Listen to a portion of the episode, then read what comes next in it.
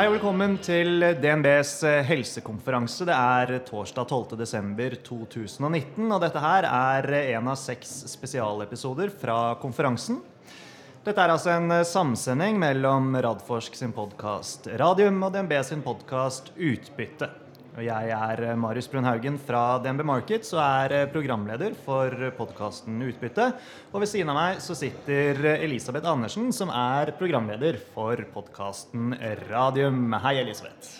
Hei igjen, eh, Marius. Det er det siste podkast for i dag. Siste av seks. Jeg syns vi har klart, klart, oss bra. Vi får prøve å klare oss bra den neste, neste halvtimen også. Jeg holdt på å få latterkrampe når PCI Biotech var her. For det var så mye kaniner og tryllestaver at det, det var ikke måte på. Men det gikk jo bra? Det gikk bra. Jeg klarte å holde meg. Men jeg kjenner jo gjesten her eh, godt, da. Så vi, vi pleier å le. Så nå blir det latter i, eh, latter i monitor, er det ikke det man sier? Um, vil bare si først at Jonas Einarsson ikke er her nå heller. For han er, han er dessverre i en begravelse.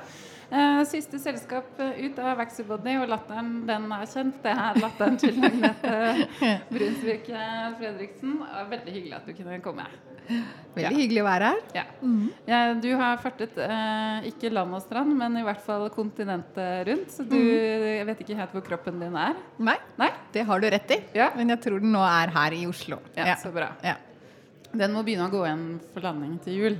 Ja, jeg tror at nå nå er det ikke seks sånne bookede reiser på SAS-appen min, Nei. så det sendes litt godt ut. Ja, ja. så bra. Bare to, men de er en stund til.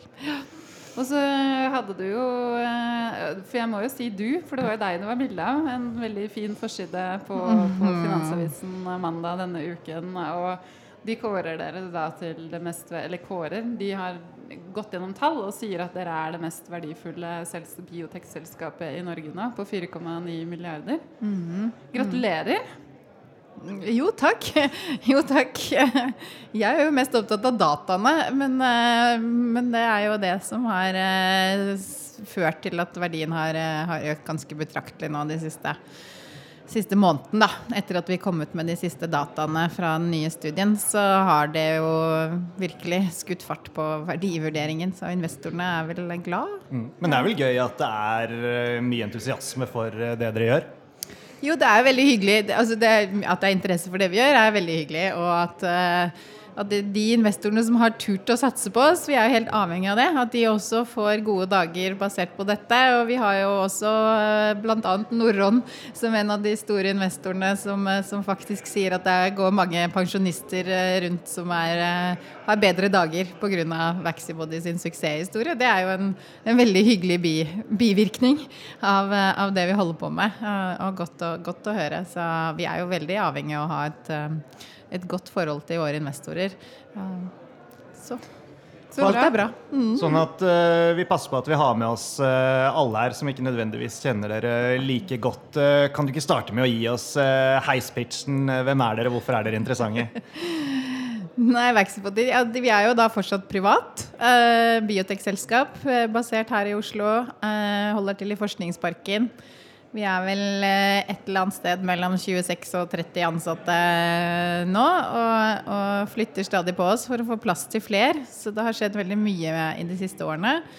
Eh, vi har jo da teknologi, en sånn plattformteknologi, en vaksineteknologi, som vi har valgt å fokusere på innenfor kreftvaksiner. Så vi har to produkter i i klinikken. Eh, og nå egentlig gode resultater begge, med de, begge disse produktene. Den ene var jo en terapeutisk HPV-vaksine som vi fullførte den studien eh, tidligere i år. Eh, med gode resultater som monoterapi. Det er alltid veldig fint å vise at vaksinen gjør noe når det bare er vaksinen som har hatt mulighet til å gjøre noe. Eh, og så har vi jo da valgt å ta det produktet videre i samarbeid med Roche, eh, hvor vi nå eh, begynner å gjøre oss klare for oss å starte den nye studien i pasienter med, med livmorhalskreft rett etter jul. Og så har vi det andre programmet som vi da akkurat kommet med data på, som vi syns er superspennende, og som er litt sånn nytt og hot fortsatt. Og vi er en av de aller første i hele verden som har kommet ut med kliniske data innen det feltet. Og det er å lage helt fullstendig personifiserte vaksiner basert på de mutasjonene som hver eneste kreftpasient har i sine egne kreftceller. Som er helt egentlig uavhengig da, om du har hode-halskreft eller føflekkreft eller lungekreft osv. Og, og hvor vi faktisk da har sett én, veldig viktig, ingen alvorlige bivirkninger. Det er jo ikke å undervurdere, for det er utrolig viktig, og kanskje spesielt innenfor kreftmedisin, at, uh, at man ikke trenger å bekymre seg for at man får økt bivirkninger, også med alle de kombinasjonsterapiene som er der ute. Og da kan man se for seg at det er mye enklere for legene å legge på denne vaksinen, som vi tenker den kan legges på hva som helst av annen immunterapi, i tillegg til det de bruker som standardbehandling. Så det syns vi er veldig veldig fint. Og så har vi jo sett det som vaksinen skal gjøre, er å lage en immunrespons mot de antigenene man selv velger å putte inn i vaksinen. Og det er jo ekstra spennende når man velger helt forskjellige antigener. da. Eh, for hver eneste pasient. Og likevel at vi ser sterkere responser mot mesteparten av disse antigenene vi har valgt, med vår valgmetode også, eh, i, de pasientene her, er veldig viktig. For uten det så får du ikke klinisk respons. Men den siste linken der, å gå fra immunrespons til klinisk respons, som også helt tydelig viser at, eh, at tumorene blir mindre, at det krymper eller at, eh, at eh, kreftsvulster som holdt på å vokse i full fart, stopper å vokse. Det er veldig, veldig sjelden at du ser, og spesielt med en kreftvaksine. Eh, har ikke det blitt vist i så mange pasienter såpass, såpass tydelig. Selv om det fortsatt er få pasienter, um, så er vi veldig, veldig fornøyd med det. Og tror at dette er den kombinasjonen med vår spesielle vaksineteknologi den type immunresponser vi lager, som er veldig godt egnet til å lage drepe T-celler. Og, eh, og, det med at vi velger disse målene som er helt spesifikke. De optimale mutasjonene som er i kreftcellene til hver pasient. Jeg må skyte inn at, eh, at, Agnete er veldig beskjeden. Fordi selskapet er jo gründet på doktorgraden eh, din, og den fikk du kongens eh, gullmedalje for. Jeg har noen ganger sagt fortjenestemedalje, men Og det er ikke det. Det er bare gull. Det kan jo være mulig du får den også om 40 ja. år, liksom. Uh, ja, det vet jeg ikke. Jeg tror jeg har andre krav på det. Mm. Og så er det jo de, de, andre som har vært med å starte selskapet her, Bjarne Bogen og Inger Sjanli, de er jo spesielt Inger Sjanli er jo en av de mest innovative forskerne på Universitetet i Oslo. Jeg tror det er hun som har levert flest innovasjoner der. Mm. Så ja. Mm. ja. Det var nok et riktig valg. Eh, å jobbe med, med, både Inger Sandli og Bjarne Bogen eh, tidlig på, det, på min, altså mitt hovedfag tok jeg hos Inger Sandli og doktorgrad hos Bjarne Bogen. Og, og det er jo litt tilfeldig hvor man havner. Eh, men det har jo vært resten av livet, da. Mm. Nå som dere vokser og ting går eh, framover, uh, er det lett å få tak i de riktige folkene for å klare å fortsette å drive dette videre? Ja, det er et godt spørsmål. Eh, jeg syns jo det foreløpig Det har jo noe med at eh, jeg syns jo at vi jobber med et veldig spennende felt. Og vi har holdt på å ha Vi har eh, fortsatt å ha gode resultater hele veien. Og vi har hentet folk som er veldig ivrige og veldig dedikerte. Og det smitter veldig. Både internt men også da ut eksternt. Så vi, vi, føler at det er ganske stor interesse for å, for å, jobbe hos oss. At vi har vært heldige å kunne velge gode, flinke folk. Og vi har laget en liten sånn Vaxibody-familie, hvor, hvor, det er mange som bruker store deler av, av sin energi på, på, jobb dag og natt. Eh, som jeg tror gir dem energi også, da. Til et visst stadium, i hvert fall. Eh, så det er jo noe vi har jobbet, jobbet, mye med, å finne riktige mennesker. Og spesielt når du skal lage en vaksine per pasient, så må man ha folk som sitter ytterst på stolen og er veldig opptatt av å få dette til å fungere optimalt. For det er ikke et felt hvor du kan sitte og tenke at jeg tar det neste onsdag. Du må gjøre jobben din der og da, når det havner, havner inn jobb på, på pulten. Så det, sånn sett så har det gått veldig bra. Det er klart at nå er vi jo midt i en sånn strategisk eh, intern eh, diskusjon når man har Så såpass gode resultater med to ulike produkter i tidlig fase. Og vi har god eh, funding de neste årene, egentlig, i forhold til de planene vi har eh, gått ut med før. Så har vi jo egentlig eh, Kan vi holde på i to år til. Um, men så er det jo da hva som er lurt strategisk i forhold til eh, hvor mye man skal trykke på gassen, eh, egentlig. Når man skal trykke på gassen, og, og hvordan man skal gjøre det på lureste, mest lureste strategiske måte videre, da. Så dere er en åpenbart i en eh, hyggelig situasjon, men har noen tøffe valg som dere blir nødt ja. til å ta. Ja, og jeg synes det er veldig viktig at vi bruker tid på det. Altså, som, vi, som, sagt, vi har jo penger en stund, så vi har jo ikke hastverk med å hente penger. Så det viktigste for oss nå er å gjøre en grundig jobb og snakke med eksperter innen dette feltet både leger og regulatoriske eksperter og, og, og bruke tid internt eh, på å legge de optimale planene som vi mener er riktige, før vi presenterer det ut til eh, markedet og ser om de er enige, de som da må hjelpe oss å finansiere det eventuelt. Mm. Og Det er jo et av de spørsmålene vi har som vi har stilt til alle selskapene. Det er jo det som går på finansiering. Og dere har jo da land blitt presentert her på DNB sin eh, konferanse i dag som en mulig eh, børsnoteringskandidat i tiden mm. fremover. Men da skjønner jeg at det her må jo dere tenke og ta de valgene som passer selskapet mm. best. Men har dere satt noe tidslinje for hvor lenge dere er inne i, inne i tankeboksen?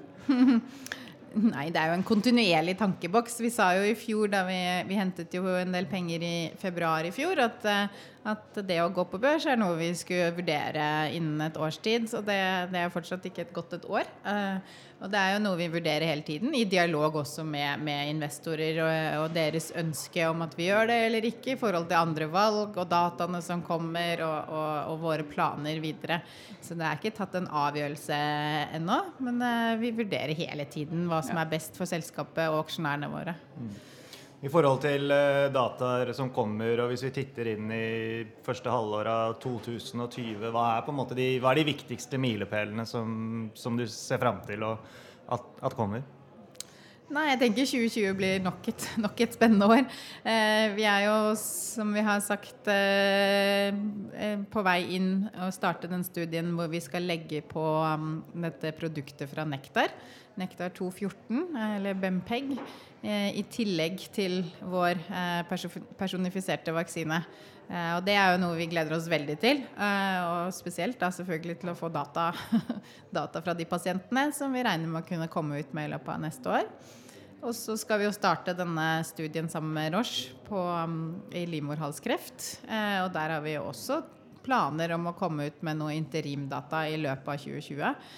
Eh, og så, litt avhengig av hvordan denne strategiske analysen vår eh, går, så, skal vi jo liksom lage en plan for de neste studiene og hvordan, vi drar dette neo-antigenprogrammet vårt eh, videre best mulig. Så det kommer vi jo ut med. Dessuten så er jo det også en åpen studie. Så selv om vi ikke har bestemt akkurat når og hvor og hvor mange pasienter osv., så, videre, så er, har vi jo planer om å komme ut med en oppdatering på hvordan det går med den studien i løpet av 2020 også. Mm. Så, ja. Mye spennende i pipelinen, altså. Mm. Ja, og dere sa jo også på kapitalmarkedsdagen i november at nå åpner dere jo flere sites på denne neoantigen-studien. Mm. Uh, skal også åpne sites i, i USA så der, jeg tenker Dere kommer bare til å få mer og mer data og ha mer og mer å, å fortelle.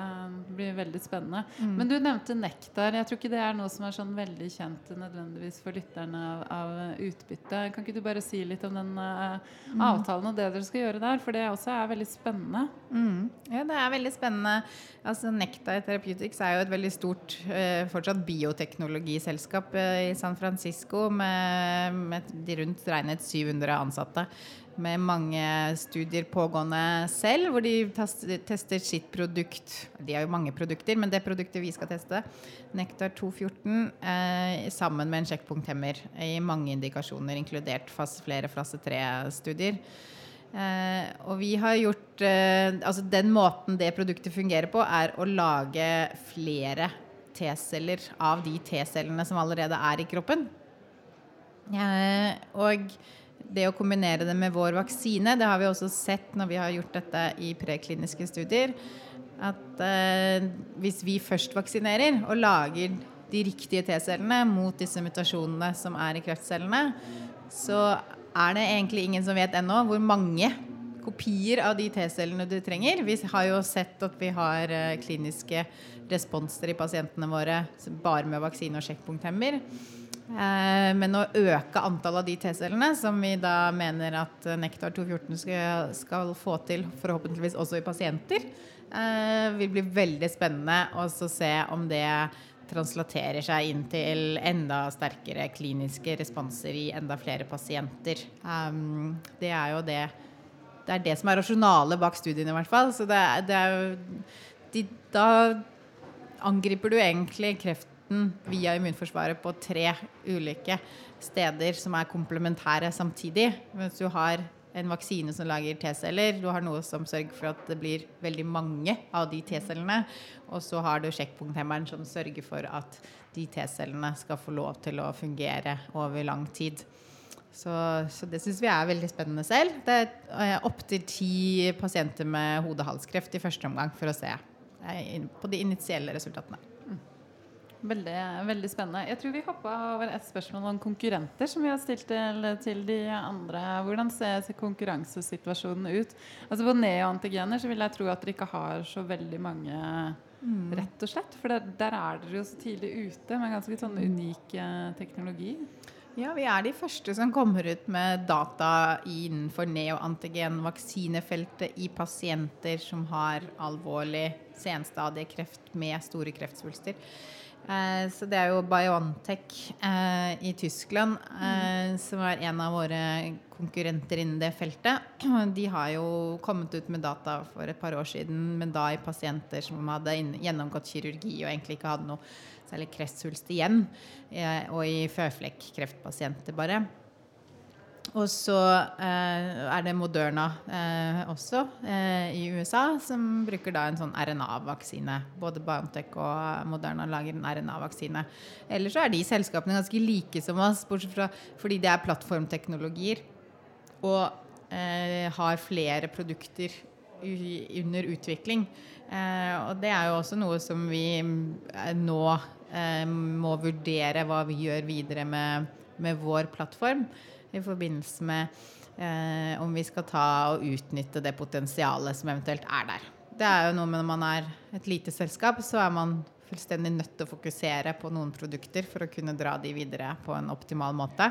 Og så eh, er jo da den del av den strategiske avgjørelsen igjen eh, hvor, om man skal um, begynne å utvikle produkter for, uh, for å vise resten av plattformteknologien. Det har jo virkelig resultert i eh, en høy verdivurdering av disse to selskapene, i hvert fall, som egentlig ikke har kommet lenger i klinikk.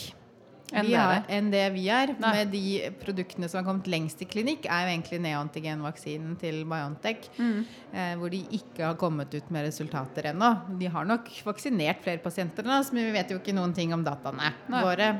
Men Nei, hva, er de verdsatt til? Husker du det i hodet? Ja, de er, det går rundt sånn 4-5 milliarder dollar. dollar ja. Ja. Mm, ja. Så det er jo tigangeren. Eh, Åtte-tigangeren av, eh, av Vaxibody. Eh, de er jo da mange flere mennesker, og, og sånn, men de har jo egentlig ikke noe, eh, noe mer kliniske data og kommet lenger i klinikk. Men de har et bredere program. Mm. Mm.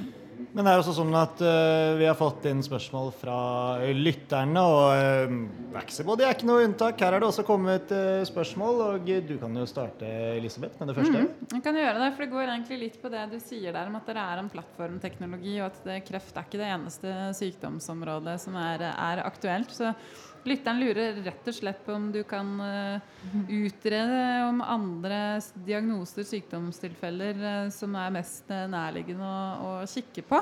Mm.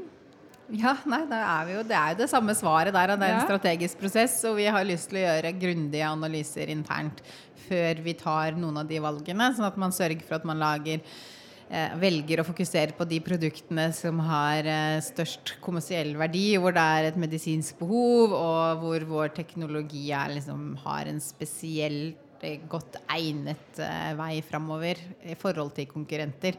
Så det er en ganske nøye analyse på hvor man skal satse. For det er jo som du sier, det er bredt felt, og så er det viktig også å satse på riktig eh, område, sykdomsområde først. Så det er ikke sånn at jeg kan sitte i dag og si hva det er vi vil gjøre først. Men det har jo vært interessant, syns vi, eh, å se hvordan du kan egentlig se på ulike sykdomssettings. Da. Sånn at man gjør noe for en profylaktisk eh, infeksjonsvaksine. Og noe mer innen da virusinduserte krefttyper. Noe innen terapeutiske infeksjonssykdommer. At, at vi tester litt eh, hvordan plattformen vår fungerer innen forskjellige typer sykdomsområder, da. Mm. Eh, for da etablerer man jo mer proof of concept og ser hvor, hvor bredt er potensialet. Mm. Neste spørsmål eh, der er den som skriver altså, hva er strategien for EUT å kunne utvikle disse nye forretningsområdene? Vil dette f.eks. kunne bli skilt ut som egne selskaper eller satsingsområder, eller tenker man at teknologien kan bli lisensiert bort til andre som eventuelt ønsker å utvikle dette, etc. Nei, men altså, Den veien blir jo litt til som man går. Sant? Ja. Sånn at eh, det er, jeg tror at det er, de fleste selskaper sitter og, og, prøver å utforske alle alternativene samtidig. For det er ikke ett valg som er bedre enn et annet. Det er helt avhengig av under hvilke forutsetninger man utlisensierer et produkt, f.eks. Eh, så, så er, nå er det en del av den strategiske analysen vår. Altså, egentlig så har vi hatt en klar strategi fram til nå, som har vært å fokusere kun på kreftvaksiner. Eh, og, og, så lenge vi kun fokuserer på kreftvaksiner internt, så er all utviklingen av plattformen er, er mer utfordrende. Fordi det er uten å ha noe internt fokus på det, så er det også vanskeligere å utlisensiere produkter som man ikke selv har begynt litt på. Eh, så det er vel egentlig en del av den endringen vi vurderer, da. At vi selv skal begynne å gjøre noe på det. Og så får man se eh, hva er interessen for andre, hva er interessen for at vi selv eh, kjører de programmene framover internt. Dette, dette, er jo et litt sånn generisk spørsmål som ofte blir stilt til, til biotekselskaper. Og det, er, det, korte svaret er jo egentlig at alle muligheter er mulige. Ja. Det kommer liksom an på ja, data, forhandlingsklima ja. Fordi det er ikke sånn Én avtale med et farmaselskap er ikke én avtale. Det er alltid så mange ulike parametere som er i den avtalen som man skal forhandle, mm. som til slutt bestemmer om dette er et lurt valg i forhold til å utvikle det internt eller ikke. Så, så, veien må bli til underveis? Veien må bli til underveis, og man må utforske disse tingene parallelt. For det er bare på den måten du klarer å finne den beste veien. Rett og slett. Mm. Uh, ja. Og så er Det sånn, det er rart med det, da, men folk gjør avtaler med folk, så kjemi har jo også en del å si, eh, si der. Men uh, det er jo ikke bare penger Nei, nei, nei, det er sant. Det er veldig viktig å bygge relasjoner og bygge mhm. det over tid. Og, og få tillit hos de man uh, skal jobbe med. Mm. mm. Tillit er jo et nøk nøkkelord. Mm. Eh, siste spørsmål. hva skal til for at norske kreftpasienter skal kunne få delta i den pågående kliniske studien av da neoantigen-vaksinen? Hvor skal de eventuelt henvende seg? Nei, det er jo mange som henvender seg til oss. Dessverre så er det jo ikke så veldig mye vi kan gjøre direkte. Dette er jo egentlig en henvisninger og anbefalinger fra legene deres. Mm. Og, og, det er jo ikke vi som rekrutterer pasienter heller. Vi eh, velger jo sites, som vi sier, kliniske sites og sykehus med, med leger som jobber innen feltet.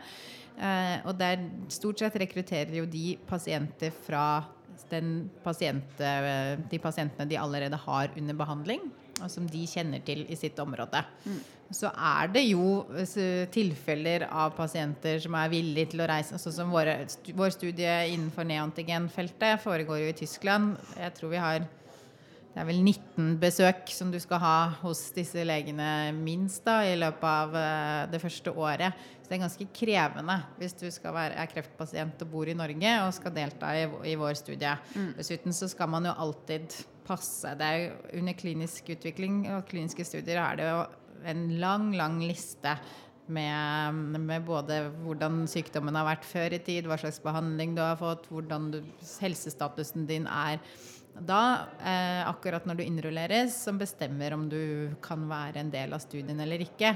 Og dette er jo egentlig regulert på den måten, sånn at det er ikke vi i et selskap som sier denne pasienten her skal også få lov til å være med.